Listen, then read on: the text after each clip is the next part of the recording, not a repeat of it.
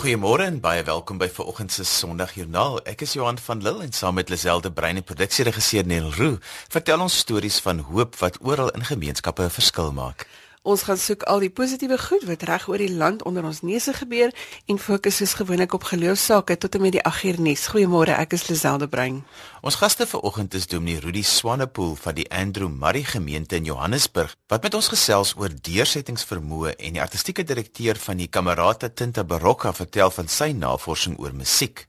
Ons het 'n profielonderhoud met Dr. Bruce Stron wat onlangs aangestel is as die moderator van die internasionale Congregational Fellowship en Dominique Grobbelaar gaan ons inspireer vir die week wat voorlê. Jy hoef niks mis te loop nie want Sondagjoernaal is na afloop van die program as 'n potgooi beskikbaar op RSG se webwerf by rsg.co.za. Wanneer jy op die webwerf is, gaan soek jy by gehoor op lig vir Sondagjoernaal en kies dan die datum van die program wat jy wil aflaai. Behalwe vir ons gaste se details sal jy natuurlik ook al die inligting oor RSG se ander programme daar kry. Ons is ook op die DSTV se audiokanaal 813 en al ons detail is op die Sondagjoernaal se Facebook bladsy ook gesit.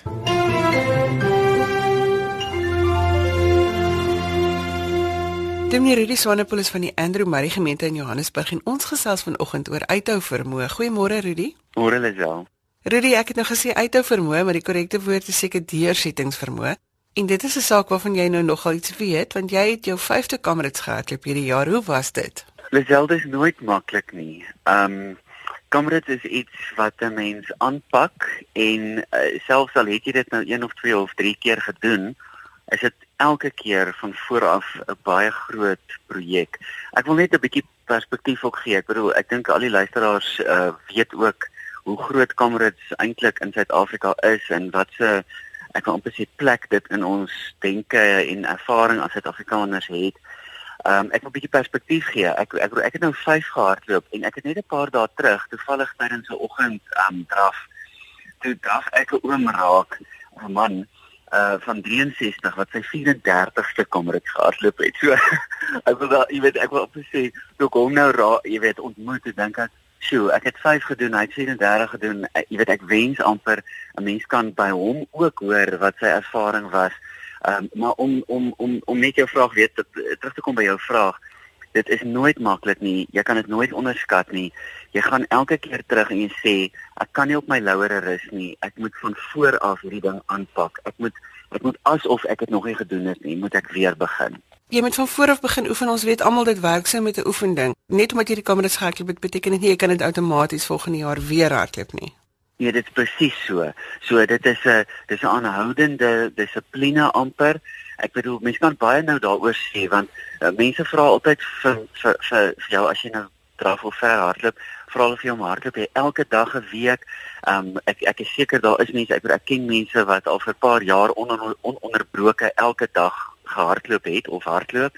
Um vir my omdat ek vanuit 'n geloofsperspektief ook daarna kyk, is die rus ongelooflik belangrik. So byvoorbeeld na hierdie jaar se kamerads uh op advies van uh van van van die persoon wat my bietjie raad gee, het ons 4 weke afgevat. So jy rus, jy sien amper daai ritme wat God ook geskep het, sien jy in dit raak dat ja, jy het 'n groot taak of jy het 'n groot uitdaging, jy het 'n groot projek waaraan jy werk jy het geoefen hiervoor, jy werk daaraan, maar jy kan nie net soos 'n besetene net aanhou nie.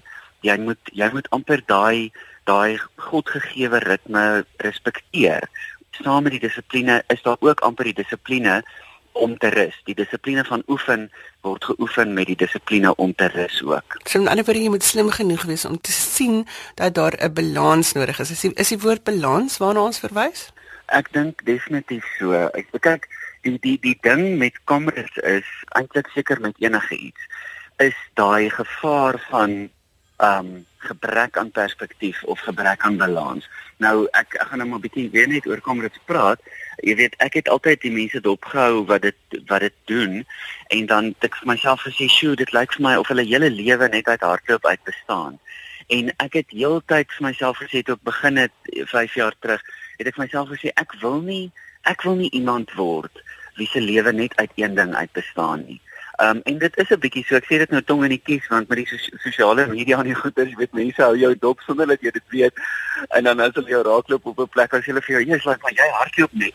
En dan wil ek dan wil ek vir hulle sê maar dis nie waar nie, maar of, of ek moet myself miskien anders dan nou jy weet ek moet miskien ander fotos op op die sosiale media sit want uh, dit is seker maar hoe mense ook afleidings maak. En nou jy dop en hulle dink okay maar hierdie ou hardloop sy lewe om. Dis waar nie. Balans is ongelooflik belangrik en natuurlik as mens 'n gesin het en jy het 'n jy weet jy het 'n jy het 'n beroep ehm um, jy weet jou professionele lewe stel ook eise aan jou. So balans is absoluut die wagwoord. So ek ek, ek dink toe jy begin of jy die die opmerking gemaak het jy weet daar's 'n element van luister. Mense moet luister na raad ook wat jy kry. Ehm uh, mens moet luister, wel ek moes ook en moet ook nog steeds leer ook om na my gesin te luister. Ehm um, daar's ook 'n voortdurende gesprek tussen my en my en my vrou hieroor. Jy weet, ehm um, uh, moet ek aangaan, ehm um, moet mens nie 'n breek vat nie. Al daai elemente. So dit is dis regtig 'n kwessie van balans. Dis nou juist hoekom ons oor die kamerits praat want mens kan so baie lewenslesse leer uit hierdie lang afstand hardloop. Maar ek vind nou eers gou nog 'n hartlike vraag vir jou vrou. So waar op hierdie roete begin jy dink aan opgee en wat is die gesprek wat jy met jouself het om dan aan te hou hardloop? Dis al ek gaan vir jou 'n vreemde antwoord gee. Um in die 5 keer wat ek dit gedoen het, het ek nog nie rede gehad om te wil opgee nie. Dit was dit dit is dit is bitter moeilik. Um, en ek sou sê as as ek sou wou opgee dan dan is dit hier tussen 60 en 75 km. Ehm um, baie of nie baie nie, maar heel party mense wat wat wat kom dit nie klaar maak nie. Ehm um, tydens die wedloop, jy weet, of voordat hulle nou naby die einde kom. Uh daai deel is die moeilik. So baie van daai mense uh, stop juist daar. Uh dit is 'n dis regtig 'n moeilike plek. Um daar's soveel faktore wat 'n rol speel op die dag. Jy weet jou voete, jou lyf, die res van jou lyf. Mense dink altyd dis net jou voete wat seer word of jou knieë. Kyk, mense wat nie hardloop nie dink dat drawers se knieë almal ingee of jy weet veral op kamerads is dit nou 'n groot ding want jou knieë word so seer dat jy nie 'n voet voor die ander kan sit nie. Nou dit dit, dit is so, maar mense hele lyf nie jou skouers nie jou skouers word seer van jy weet van daai konstante beweging. Jy jy het baie keer spanning in jou nek en in jou skouers. Dit is seer. Die eerste keer wat ek gehardloop het, het ek my drafmaat op daai stadium het hier op 40 50 km gesê die enigste ding aan sy lyf wat nie seer is nie is sy hande. Jy weet nou dit dit was nou 'n goeie grappie geweest. Maar ek dink die moeilikste deel van Kamerad is by 60 65 70 km. Dan is jy regtig op 'n op 'n donker plek maar jy ja dan uit die aard van die saak motiveer jy jouself. Jy dink aan redes hoekom jy dit doen. Ek het hierdie jaar het ek vir myself 5 redes hoekom ek hierdie jaar sin doen geïdentifiseer. En ek het elke 15 km of min of meer 15 km myself herinner aan hierdie rede of hierdie saak of hierdie hierdie ding. En een van daai een van daai vyf goed wat ek vir myself gesê het was my gesin. Ek het gesê ek doen hierdie vir my nie dat hulle iets daai gaan kry nie, maar maar ek dink aan hulle in daai 15 km. Ek waardeer hulle. Ek ek ek besef watter rol hulle in my lewe speel en ek in hulle lewe speel. So daar's 'n element van aandagtigheid in julle proses. Jy het nou heerlik daaroor gepraat, maar kom, kom ek vra die formele vraag nou, die kamerits, wat kan dit vir ons leer van die lewe en van geloof? Kyk, ek kan nou ek kan nou die voor die hand liggende goed sê, nê. Nee, en ek bedoel die tema is deursettingsvermoë of uithou vermoë. So die die voor die hand liggende ding sou wees om te sê, jy weet, jy moet uithou en jy moet aanhou. Maar ek dink as ek as ek as, as ons hier roete vat, hierdie jaar se roete was nou net so onder die 87 km, is nie elke jaar dieselfde nie. So as ek in daai 87 km vat en ek en ek breek dit op in kleiner deeltjies, dan dan besef ek daar's soveel fasette van die hele ding. Dis nie net moeilik nie. Jy begin, ons het nou hierdie jaar opgehardloop. So jy begin in Durban daar is duisende mense langs die pad. Dit is 06:30 die oggend. Dit is nog nie eers lig nie. Um daar is die hele spektrum van Suid-Afrikaners is daar om om die hardlopers te ondersteun. Daar is suurstof want jy begin op seevlak hardloop, so jou longe voel uitstekend, veral as jy nou in Johannesburg geoefen het. Um jy het jy het energie, jy het optimisme vir die dag. Jy's jy's bietjie bang. Um jy want jy weet wat vir jou voor lê. en dan uit die aard van die saak later in die dag wanneer dit moeilik raak jy weet dan dan kry kry dit weer ander dimensies. Jou ervaring neem heeltemal 'n ander vorm aan en dis meer. So ek sou ek sou wou sê dat 'n mens dat, dat die grootste les wat wat ek uit Comrades leer miskien of geleer het of besig is om te leer is daai ding van om deur goeters te gaan. Want baie keer wil ons om 'n ding gaan. Ons wil om 'n uitdaging gaan. Daar daar daar kom 'n krisis in ons lewe en ons instink sê vir ons ons moet nou ons moet dit vermy ons moet rondom dit gaan ons moet ons moet dit vryspring maar die maar dit hier is 'n baie baie prominente parallel met geloof en met die lewe en met God se teenwoordigheid in ons lewe is om te kan om te weet jy kan deur die ding gaan. En uh, ja dit is seker maar dit het seker maar te maak met uithou vermoë maar dit gaan ook oor oor om vir jouself te sê ek kan hierdie doen en ek kan deur hierdie ding gaan. Ek bedoel om dit nou baie ek wil amper sê ernstig te maak. Ons almal weet dat ons op 'n stadium tydelik met die ewige gaan verwissel. Ons gaan ons gaan ons gaan hierdie lewe verlaat. En selfs wanneer ons met die dood gekonfronteer word of 'n geliefde word met die dood gekonfronteer, om dan te weet, weet jy, ek gaan ek kan nie deurgaan. Ehm um, dit ook dit kan ek kan ek kan ek ehm um, kan ek hanteer om dit nou maar so te sê. Rudy baie dankie. Vanoggend weet ek is daar luisteraars wat deur goed gaan wat moet hoor dat dit oukei okay is dat ons hier deur kan gaan. Dit het vat uithou vermoë, dit vat deursettingsvermoë. Baie dankie dat jy vanoggend 'n stukkie van jou hart met ons gedeel het. Groot plesier, Lisel. Dominee Rudy Swanepoel was 'n gesprek met Lisel. Ek moet sê die laaste wat ek al ooit in die Kamerads was, was maar om voor die televisie te lê om te kyk hoe ander mense dit hardloop. Alhoewel ek en Lisel het daarom ook al 'n paar keer aan 'n 10 km stap deelgeneem. Goeiemôre as jy sopas ingeskakel het. Jy luister na Sondagjoernaal saam met Johan en Lisel en Niel is ons tegniese regisseur. Gemaak gerus 'n draai op RSG se webblad by rsg.co.za vir inligting oor alles wat jy op RSG kan hoor. Jy kan ook gaan aansluit by ons sosiale media gemeenskap op Facebook. Like die bladsy bladsy en al ons programinligting is ook daar gelaai. Jy kan natuurlik vir ons 'n SMS stuur by 45770 teen R1.50 per SMS. Die artistieke direkteur van die Kamerata Tinte Barokke, Erik Dippenaar, het vir Lisel by die kerkargief van sy navorsing vertel. Ek gesels vanoggend met Erik Dippenaar. Hy is die artistieke direkteur van Kamerata Tinte Barokke. Goeiemôre Erik. Goeiemôre Lisel. Jy is besig met jou doktoraal in musiek. Wat doen jy? Ja, ek is besig met 'n doktorsgraad in musiek.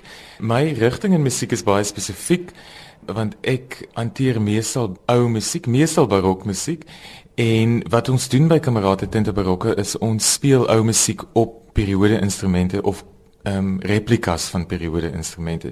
So ons doen navorsing oor hoe die musiek gespeel sou gewees het en op watter instrumente dit sou gespeel gewees het en dan ehm um, bied ons dit aan in konserte.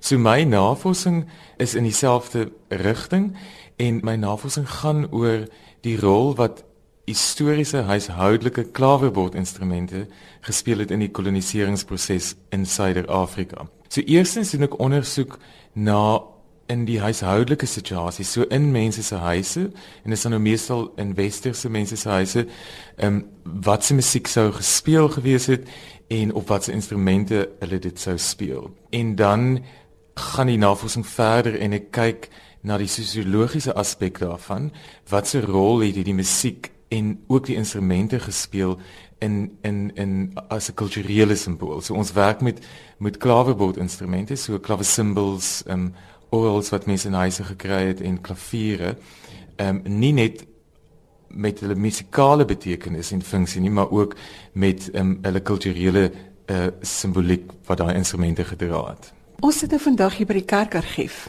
So hoe bring jy nou jou musieknavorsing en die kerkargief bymekaar?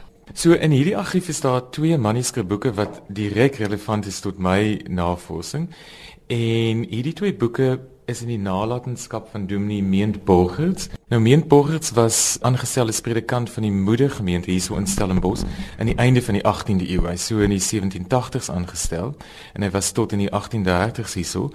En onder sy boeke wat hy nagelaat het, is twee manuskripboeke in sy handskrif meestal met bladmusiek in. en nie net bladmusiek nie, maar ook spesifiek musiek vir uh, klavier of klavesimbal, so daar's daar's 13 klaverbord stukkies en dan ook liedere met klavier of klaverbord begeleiding. So dis vir my wonderlik want dis musiek wat ek weet in daai tyd gespeel is, maar nie net dit nie, sy huis is nog hier op Stellenbosch, so ons weet presies waar die musiek gespeel is. So dis plek spesifiek en en ons het die bladmusiek. So dis wonderlik in hierdie twee manuskripboeke. Ehm um, ek sit en kyk nou daarna, dis baie goed gepreserveer en dit is natuurlik hoekom argiewe so belangrik is want veral met sulke historiese dokumente werk 'n mens met ou papier um, wat maklik kan disintegreer wat teen die regte humiditeit en temperatuur gehou moet word om dit vir so lank as moontlik te preserveer. Sou jou navorsing enigstens dieselfde waarde gehad het as jy byvoorbeeld nou nie hierdie twee dokumente gehad het nie? Kyk, ek moet sê dat hierdie twee dokumente is nogal vir my pivotal in my navorsing. So ek het natuurlik aan die begin toe ek begin kyk het of ek navorsing in die rigting sou kon doen, ehm um, moet 'n mens maar kyk dat jy jou anker punte het en hierdie twee manuskripboeke is absoluut een van die ankerpunte. Ehm um, ek het dan nog twee boeke wat in die in die staatsargief in in die stad is. So ek het bou my navorsings rondom dit en dan dan in die proses nog nog ander materiaal ook uitgekom. Maar, maar hierdie twee boeke is is regtig van die die twee groot en belangrikste manuskripte in my navorsing. Kom ons praat gou oor die waarde van musiek in 'n mens se lewe. Wat beteken dit vir ons? Kyk, uit 'n persoonlike oogpunt natuurlik musiek is uh, beteken musiek vir my geweldig baie en dis hoekom ek in musiek is. En ek dink musiek oor die algemeen in die samelewing um, as ek kyk nou na my navorsing oor jare en jare van musiek in verskillende kulture musiek is 'n geweldige samebindende faktor in baie samelewings en en ehm um, dit bind mense saam maar ook word dit gebruik om om oomblikke in tyd aan te dui en en te bevestig. So by enige amptelike gebeurtenis, dikwels by persoonlike gebeurtenisse, mens dink aan troues, begrafnisse, by al sulke goed is daar altyd musiek wat help om hierdie om hierdie geleentheid te versterk. So ek dink nie ons is altyd bewus daarvan van die groot rol wat musiek rondom ons in ons alledaagse lewe speel nie. En ek dink dis wonderlik vir my ten minste in my navorsing as mens bietjie daarna kyk en en, en kyk presies wat die betekenis van musiek is in die samelewing en wat wat dit bydra daartoe ja. Het jy enigstens navorsing gedoen oor die rol van musiek in die kerk? Ja, kyk die die kerk eh uh, die Christelike kerk het natuurlik uh, musiek is is is deel van die begin daarvan af en dit het baie verander. So so in verskillende stadiums van die geskiedenis van die kerk het musiek verskillende goed beteken en in verskillende rolle vervul. Maar die kerk het natuurlik uh, baie baie bygedra tot die geskiedenis van westerse musiek en die feit dat daar altyd musiek in die kerk was en hulle het geweldig baie musiek befonds en mense aangestel oor jare. So ek dink sonder die kerk is die is die helfte van die westerse musiek sou dit nie daar wees as die kerk nie so baie invested in musiek nie. So om aan te las by wat ek gesê het oor oor musiek in die samelewing en hoe hoe dit uh, sekere punte in tyd bevestig, dink ek die kerk vandag is een van die min plekke in westerse samelewing waar mense nog saam sing gereeld. So ek speel byvoorbeeld self op Sondagoggende in die NG gemeente in Boerskloof en dis elke elke Sondag is dit vir my 'n wonderlike ding om te dink hier kom 'n klomp mense saam en hulle bevestig 'n gevoel of hulle bevestig iets wat wat mense dieselfde oor voel deur saam te sing. En en dit is ek dink nie die die wonder daarvan sal ooit vir my kwyn nie. Ek dink dit is 'n baie kragtige ding uh mense wat saam sing.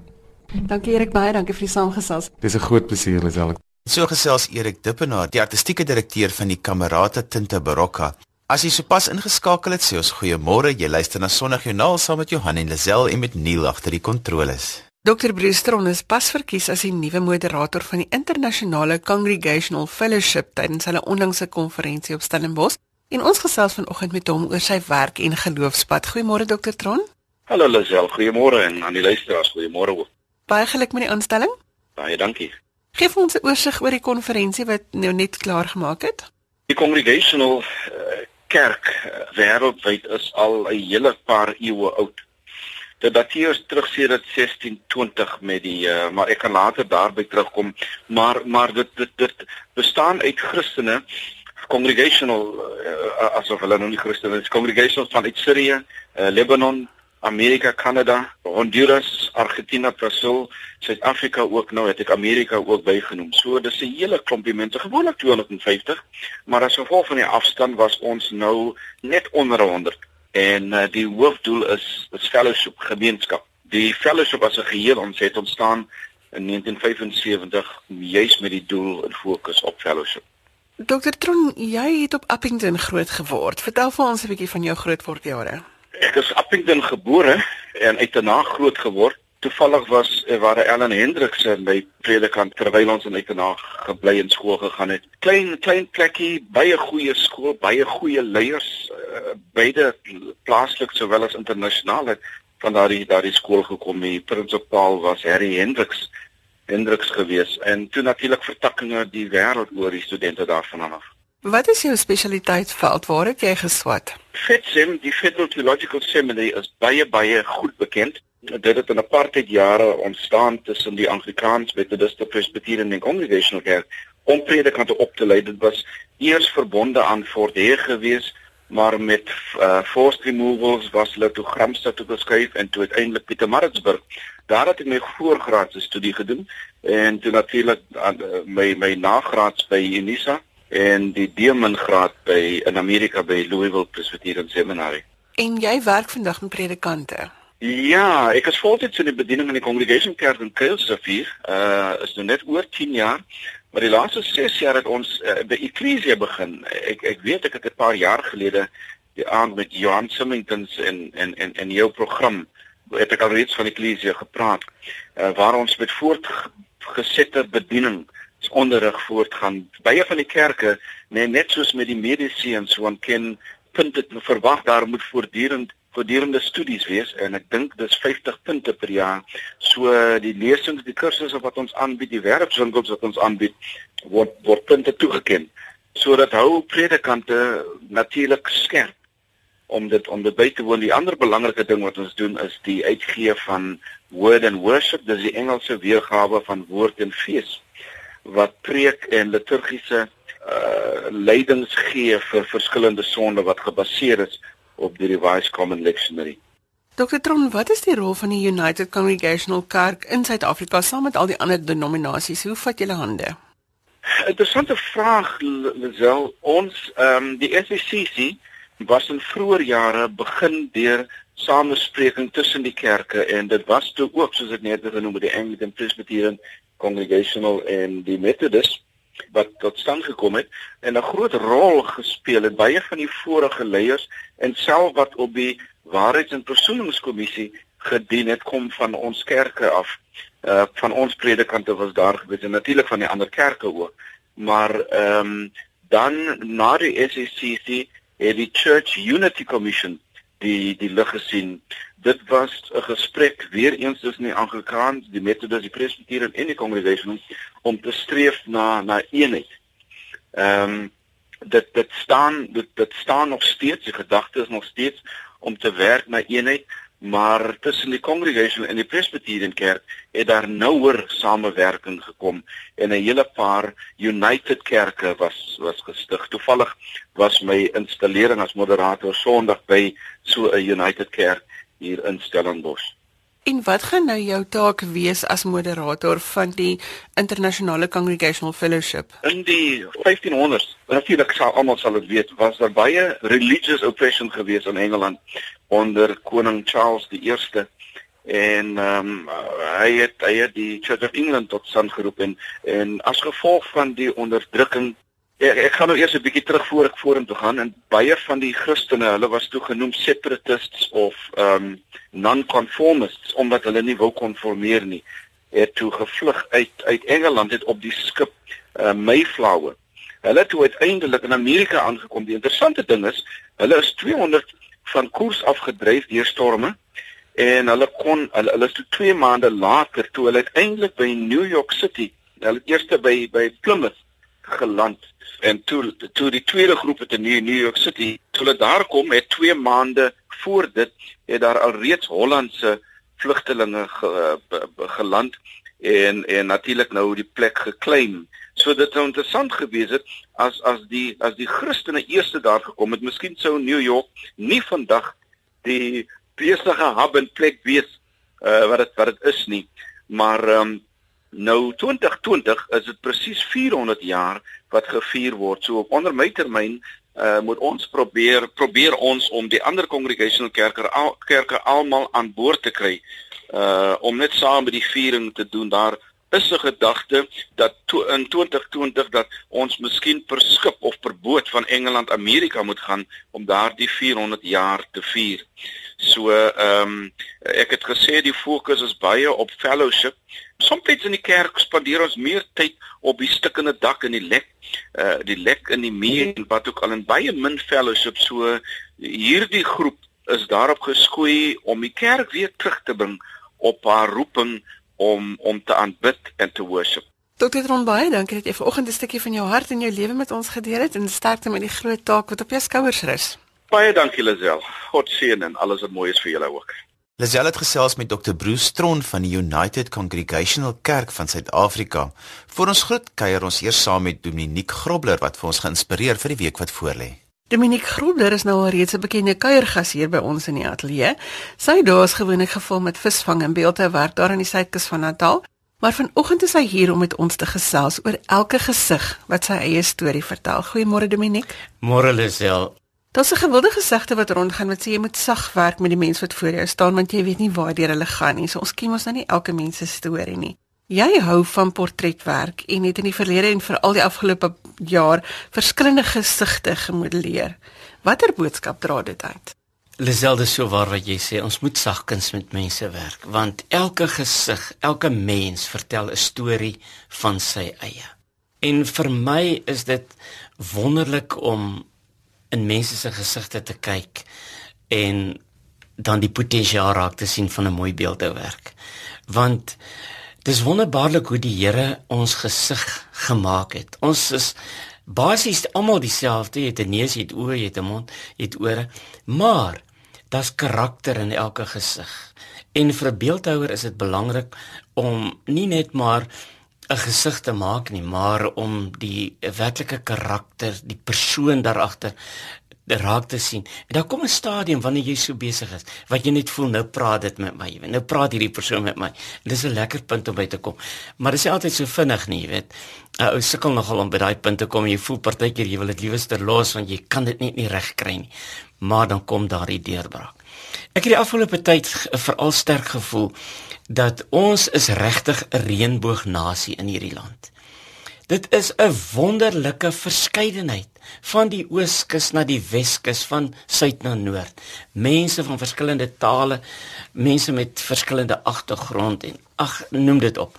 Ek het 'n beeldewerk gemaak van 'n Griekwa ouma wat ek gesien het, 'n foto van die uh ou tannie en die plooie in haar gesig. Man, dis iets om te aanskou. Dan het ek ook natuurlik uh, uh die sterk gelaatstrekke van 'n Zulu vrou uitgebeeld, vriendelike gesig van 'n jong Zulu seun met die naam Jabulani wat blydskap beteken, die versinkte gesig van 'n ou man en versinkte oë met 'n lewe wat getuig van swaar kry. Ek het enige gemaak nou onlangs van 'n uh, 'n uh, man met 'n uh, breë glimlag, maar sonder tande met sy laphoedjie op. Jy kan jou nou net voorstel, jy weet. En dit is so lekker om hierdie hierdie karakters uit te beeld maar vir al ouer mense se gesigte is geweldig karaktervol. En dit is so lekker om hulle te luister wanneer jy besig is om hulle gesig te modelleer. Want dit is asof elke plooi op daai gesig, elke grys haar iets vertel van 'n unieke lewenspad wat die Here met hierdie persoon stap. Daar's die lekker lagplooie, jy weet. Jy kan hulle sommer dadelik sien en as die persoon ook begin lag, dan sien jy diep daai plooie lê as hulle 'n vreugdevolle lewe gelei het. Maar daar's ook die swaar kry en die kwaad word plooie wat net so min weggesteek kan word soos plooie van verbittering. Ek het eendag met 'n ouer tannie gesels, sy is in haar 80 en jy kon die verbittering op haar gesig sien in die trek om haar mond. En toe ek 'n bietjie dieper grawe en met haar praat oor die verbittering in haar lewe, toe kom dit uit. Sy moes as 'n jong dogter eendag toe die kinders baie lawaai het in die klas die straf uitdien van in die middag na skool die vloer van die klaskamer te was. En sy het daar op haar knieë begin om die onderwyseres te haat. En die haat het in haar vasgesteek. En dit was later in al haar menseverhoudings sigbaar. Sy was geïsoleer, sy wou niks met die wêreld te doen hê nie en ek het moeite gehad om met haar te praat. En dit het net weer vir my gesê, weet, dat verbittering in 'n mens se lewe is soos voelend wat op jou groei en dit beïnvloed al jou verhoudinge. Maar aan die ander kant het ek ook mense al ontmoet wat blydskap op hulle gesigte het. Dankbare mense en veral kinders van die Here wat daarvan getuig hoe groot God se genade in hulle lewe is. Wat laat jou in verwondering oor die mens wat na God se beeld geskape is? Wel, hoe, hoe verder die wetenskap ontwikkel, jy weet, hoe meer ontdek hulle hoe wonderbaar is die skepping van die Here. En as daar een terrein is waarop jy jou absoluut verwonder, dan is dit oor ons as mens se liggaam. Hoe die Here vir ons gemaak het. Vir my as 'n beeldhouer is dit belangrik om te besef dat elke beeldhouwerk is soos 'n liggaam wat 'n geraamte in het. Ek dink nie ons besef hoe belangrik is jou geraamte nie. As jy nie geraamte gehad het nie, het jy in mekaar gesak. Daai beenstruktuur van jou wat die Here vir jou gegee het, wat so beweeglik is, is 'n stuk ingenieurswerk wat 'n mens net in totale verwondering laat. As jy dink aan die spiere en nou dink jy aan die verskeidenheid van sportsoorte. Hoe dat iemand wat gewig stoot verskil van iemand wat gimnastiek beoefen. En hoe dat die spiere in die liggaam gevorm is. En dit is belangrik as jy met 'n kunswerk besig is om aan te voel hoe lê daai spier, hoe strek hy wanneer jy daardie persoon uitbeeld. Dink aan jou vel, hoe dat jou vel jou hele liggaam bedek. Dink aan jou hande. Ek is in verwondering oor ons hande. Want nie een van my vingers is dieselfde nie. Elkeen het 'n karakter van sy eie. En ek wonder of mense weet dat jou vingerpunte is soos vuiltjies. Jou vingerafdruk is 'n vuiltjie as jy met klei werk en jy trek jou vingers so oor daai klei, dan maak jy dit glad. Terwyl as jy hom stilhou daarop, dan maak hy 'n vingerafdruk maar ek het daar baie my vinger gebruik as 'n vuiltjie op klei. En dan natuurlik jou voete, jy weet. Gewone Picasso het gesê, jy weet, as jy hande en voete kan skilder, dan kan jy maar deurgaan as 'n kunstenaar. En dan Lisel het nog ietsie mag noem is die video's wat 'n mens deesdae sien oor die voortplanting en uh die geboorte van 'n kind. Dit is vir my absoluut wonderbaarlik. Dan praat ons nie eers van die brein nie.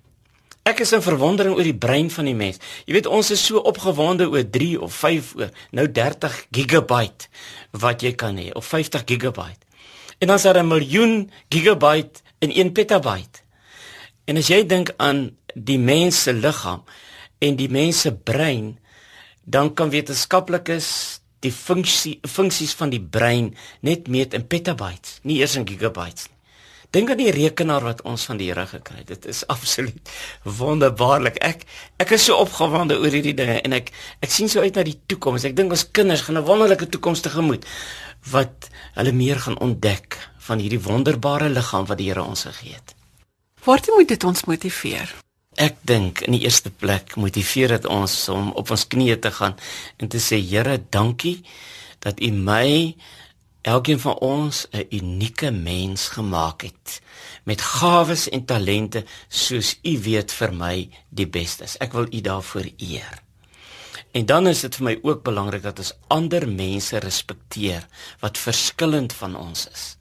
Want die Here het ons almal verskillend gemaak juis sodat ons mekaar kan aanvul en veral in die kerk as 'n liggaam wat saam funksioneer en dat ons sal uitreik na daardie persoon van wie ons weet op die oomblik wat dalk alleen en verstote voel.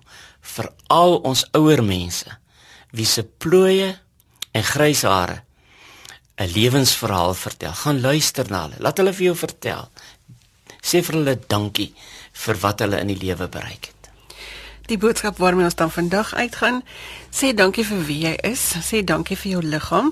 Moenie hard wees op jouself nie, maar gaan sê ook dankie vir die ander mense om jou wat die Here in jou lewe geplaas het. Ek meen ek baie dankie dat jy ver oggend hierdie gedagtes met ons gedeel het. Ai, dis 'n voorreg. Dankie Lisel en ek weet die Here gebruik vir julle by die radio ook op 'n wonderlike manier. Gaan voort met die goeie werk wat julle doen.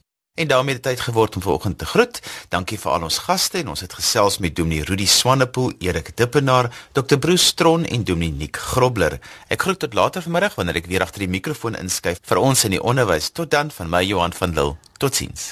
Soos gewoonlik nooi ek jou om ons te kontak met kommentaar of as jy 'n geloostorie met ons wil deel. Jy kan vir my e-pos by lizel@wwmedia.co.za of jy kan vir ons 'n boodskap stuur deur die webwerf by rsg.co.za. As jy dit gemis het, dit is lizel l i z e l l e by wwmedia.co.za of by die webwerf by rsg.co.za en dan stuur jy dit direk na die ateljee toe. Tot volgende week groet ek dan ook namens produksieregisseur Neil Roo. Tot dan, totsiens.